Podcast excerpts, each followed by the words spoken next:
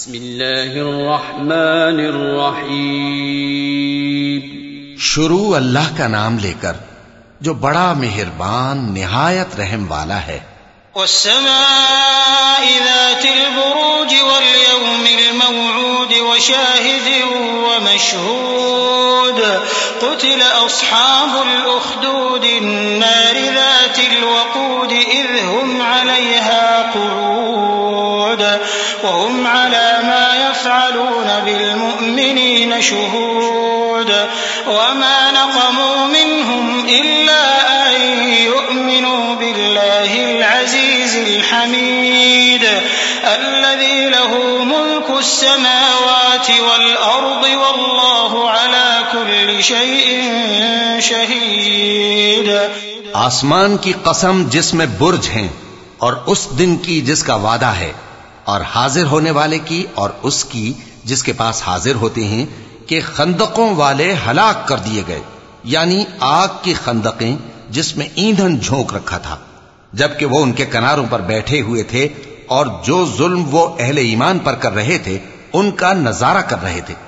اور ان کو مومنوں کی یہی بات بری لگتی تھی کہ وہ اللہ پر ایمان لائے تھے۔ جو غالب ہے، سب خوبیوں والا ہے۔ جس کی آسمانوں اور زمین میں بادشاہی ہے اور اللہ ہر چیز سے واقف ہے۔ إن الذين فتنوا المؤمنين والمؤمنات ثم لم يتوبوا فلهم عذاب جهنم ولهم عذاب الحريق إن الذين آمنوا وعملوا الصالحات لهم جنات تجري من تحتها الأنهار الفوز الكبير. إن بطش ربك لشديد.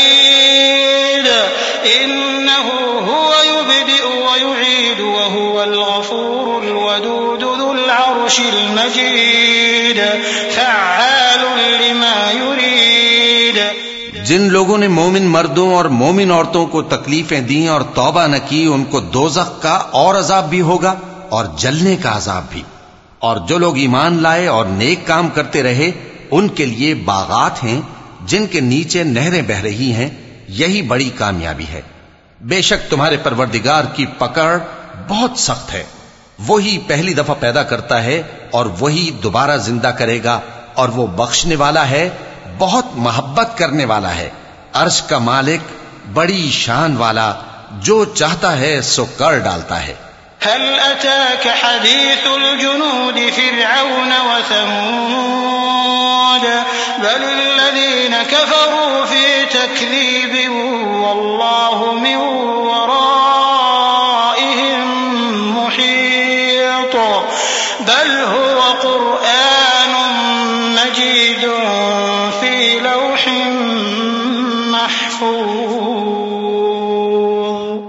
بھلا تم کو لشکروں کا حال معلوم ہوا ہے؟